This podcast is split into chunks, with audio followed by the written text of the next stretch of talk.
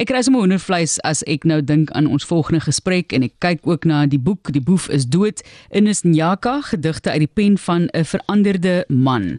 En soos wat die persoon wat aangebied het om dit te vertaal ook nou vir my sê net soos wat ons op lig gaan, dit is spesiaal want dit is nie gedruk soos 'n gewone boek nie en ons gaan vir jou verduidelik wat dit beteken.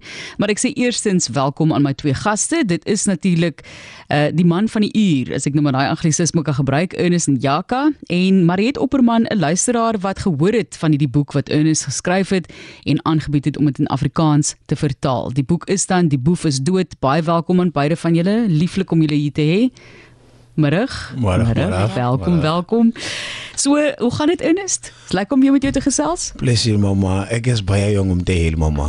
En die jaar is verby om te complain is. Okay. Ons moet sterk vir volgende jaar. Bly net vir jou weer gesien. Sterk sterk vir volgende jaar. Voor sterk vir volgende jaar. Lê daar 'n groot jaar voor? Ons hoop volgende jaar ons sal bietjie beter wees. Goed, bietjie beter. Ons Was dit beter wees. was dit 'n moeilike jaar? Hey mamma, die ene was hard joh. Load shedding vir ons gemoeg ses.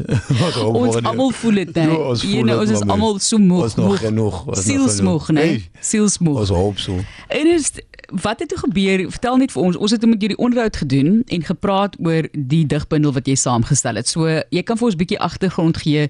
Jy het gerehabiliteer in die gevangenis en jy daar besluit jy wil nie meer 'n boef wees nie, as ek nou daai woord kan gebruik want die boek se naam is Die boef is dood.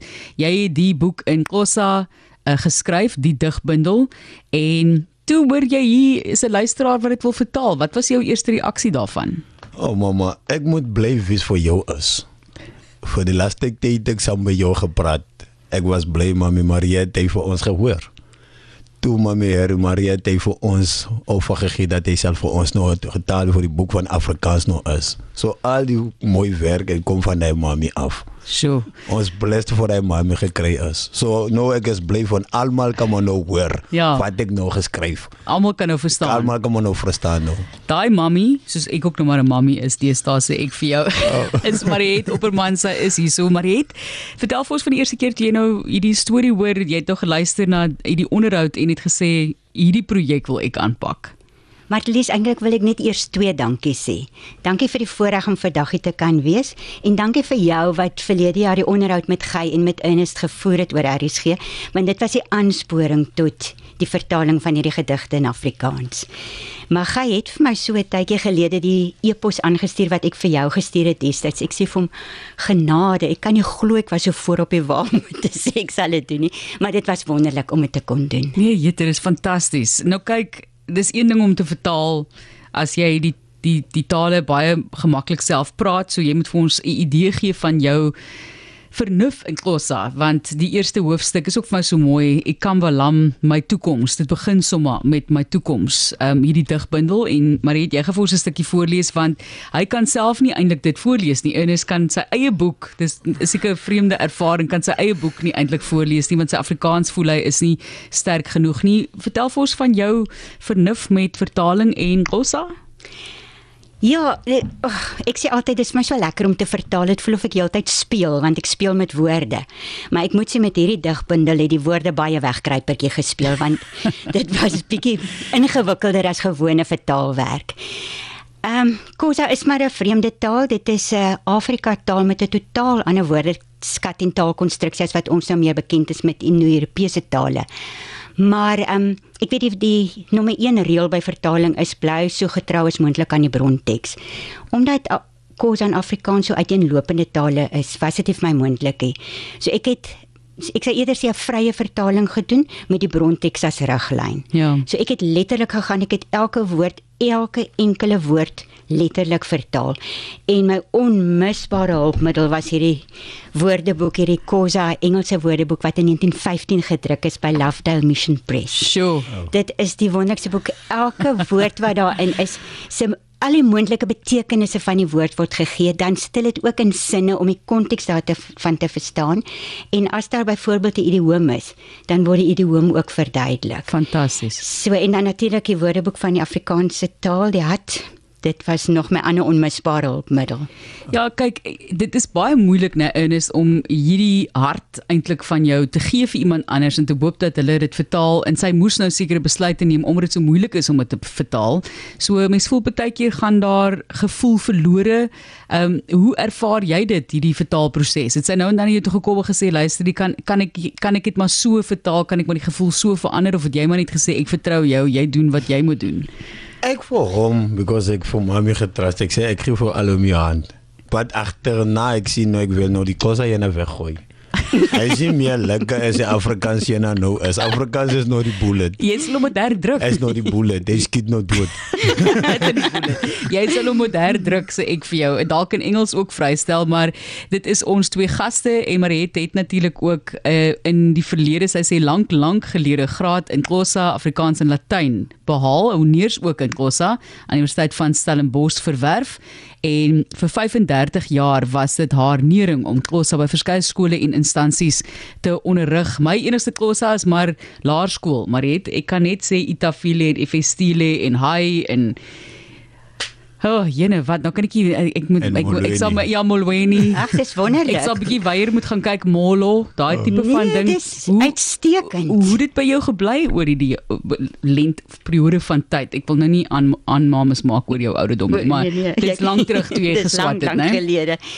Ja, kos ja, dit was in middel 1970s toe ek Universiteit Stellenbosch toe is. Toe was kos nie 'n prominente vak nie. So ek het dit maar eintlik net geneem as 'n ekstra vak, maar dit was dis so mooi taal en dis so 'n vreemde taal dat ek op die Antoniers gedoen het daar in en dit het raak net vir my elke dag net meer 'n wonderlike taal. Dis 'n moeilike taal, mense stel dit nie net op nie. Ja. Maar daar is soveel juwele in die taal. Hier is ook juwele in die boek. Gaan jy vir ons 'n stukkie voorlees? Goed, sal ek die eerste een lees? Ek kan wel. Jy kan kies. Wat het een jou geraak het die meeste? Dit is in 'n gunsteling gedig. Okay. Wow, wow. Ek kan wel. Ek kan wel ja. Ek kan wel. Dit is so oulik saamgestel. Gij het heeltyd gesê ons moet iets van die Khoza behou in die digbundel. Anders is dit net 'n nog 'n bundel. Ja. En toe stel besluit dat ons sal elke titel van die gedig soos Ernest dit in Khoza geskryf het. Sal ons behou en dan net in Afrikaans vertaal en dan die res van die gedig is nou in Afrikaans. Okay. En omdat Ernest se gedigte, hy maak gebruik van eindrym. So ek het ook maar probeer dat dit rym op die einde. Nog 'n uitdaging. Dit was nog al 'n groot uitdaging. Asof jy genoeg van 'n vertalingsuitdaging gehad het, nou is dit tog digkuns ook. dit was nog al 'n storie. Maar ek sal gou lees. Ek het die lewe gejaag. Wat my ouers my geleer het, het ek verag. Waarteen ek gewaarsku is, het ek weggelag. Ek het nie geluister nie. Ek wou my eie pad stap. Alles wat mooi is, vertrap. Ek wou net met die mes steek, was besig om my lewe op te neek. Het die heeltyd moeilikheid gemaak. My lyf het vol chaps geraak. My ma het nie meer hoop vir my gehad. My lewe was 'n gemors. Ek was op die verkeerde pad. Maar my goddelose lewe kon nie ongestraf bly. My vonnis moes ek kry. In die tronk is niemand vry. Saam met ander moet jy in 'n sel bly. Jou hande en voete word geboei. Jy is nie bestand teen al die onheil wat daar uitbroei. Op my ooglede wou ek laat tatoeëer, 'n 2 en 'n 8, maar dit was te seer. 28 is met ink op my hand ingeprint en op my been sal jy my naam Schembula vind. Ek moes tot inkeer kom om vergifnis te kry. Voor die Vader het ek my oortredinge bely. Ek het vir kwytskelding gevra. Die Here het geantwoord dat hy my sonde dra. Manne, hoor my. Ek het op die harde manier geleer. Die lewe is kort en die pad is nie geteer. Moenie soos 'n ponie rigtingloos stap en die verkeerde afdraai vat. Laat ons mekaar help om op die regte pad te bly. Staan saam, hou op drink en baklei. Verdeeldheid kan tot mense se ondergang lei. Bid vir krag om kwaad te vermy. My broers luister na my saak. Moenie dieselfde foute as ek maak. My ou lewe is verby. Vandag is ek vry. Dit is net genade om nog 'n kans in die lewe te kry. Sjoe, Mariet, ek sê vir jou, dis aandoenlik en Ernest, ek weet jy kan nie baie daarvan verstaan nie, maar ek kan vir jou sê sy het 'n goeie sy het goeie werk gedoen. Okay. Baie. Baie goeie werk Baie, gedoen. baie, baie. Baie Ek sit dankie. ek sit te kyk in die boek ook. Uh hier is foto's Ernest en sy gesin en Ernest en sy ma, pragtige foto's. Ernest, die lewe is moeilik. Hoe hoe bly jy op die regte pad, meneer? ondersteun bietjie vir mense daar buite. Ja, voor nou ek kan maar nou sê van die werk bly en van my familie saam bly is iets dat they hoop voor my at least uit van die pad af. Ja. Because ek weet ek is by die huis, ek is by die werk, ek weet- ek is by die werk, ek is by die huis. So ek het familie, ek het werk, so at least ek het iets om te doen. Dat ek hoop vir my vas van ek moet iets om te doen van my familie iets doen. So ek dink net een keer, if miskien ek bly by die hospitaal, wat my mense sal nou eet. Ja. Ek dink nou so so ek moet altyd my lewe nou ndoba. Ek moet nou die regte pad nou bly. Ja. En is sal jy met mense gaan gesels as hulle jou nooi? Ek kom. OK. Jy gaan mos maar in Engels ook met hulle gesels. Ek kom. Hoe klink dit? Ek maar, ek kan maar. As hy dit is wat Ernest Nyaka sê, dit is die boef is dood en hierdie digbundel wat vrygestel is en vertaal is uit Kossa deur 'n uh, fantas ek wil net sê jy's 'n wonderlike mens. Jy weet, maar jy het Opperman wat besluit het sy het gehoor van hierdie storie en die onderhoud wat ons met hom gedoen het, dis nou al 'n jaar later en sy het gesê sy's aangeraak en aangebied om dit in Afrikaans te vertaal. Ek kan van e-pos stuur as jy enige kontakbesonderhede soek. Jy's baie welkom om daarvan gebruik te maak. Is brink by rsg.co.za. Dalk wil jy direk met Ernest gesels en dalk het mense in jou lewe of organisasie ook daai inspirasie nodig, maar het waaraan werk jy tans? Ek is besig om kontrakte vertaal. Te O, vertaal jette. wat heeltemal verskil van gedigte. Soos dit 'n vrye vertaling is, is dit 'n eksakte vertaling. Ernstige sake, ernstige sake. Ernest, sterkte vir die toekoms. Ons gaan weer met jou opvolg, bietjie inloer hoe dit gaan en dankie dat jy ons inspireer het so oor die oor die grense heen in Suid-Afrika. Dis 'n groot groot voorreg om jou hier te hê. Dankie. Baie bly. So mooi julle. Gaan ondersteun ondersteun die kunste in die algemeen ondersteun boeke. Dit is 'n moeilike bedryf en op hierdie manier kan jy ook vir hom ondersteun. En vir Mariet dankie sê vir die harde werk wat sy gedoen het. Baie dankie aan beide van julle dit is hier op RSG indien jy so die laaste stukkie van die gesprek gehoor het en jy wil luister ten volle dit is later op RSG se potgooi fasiliteit rsg.co.za en dit is die petrol joggie daai tyd in is Njaka wat ons 'n onderhoud mee gedoen het hier op RSG en hy het 'n digbundel in Kossa vrygestel oor sy lewe in die tronk en waar hy sy lewe daar omgekeer het. En toe het Mariet besluit om dit vir hom te vertaal weer eens. Baie dankie vir julle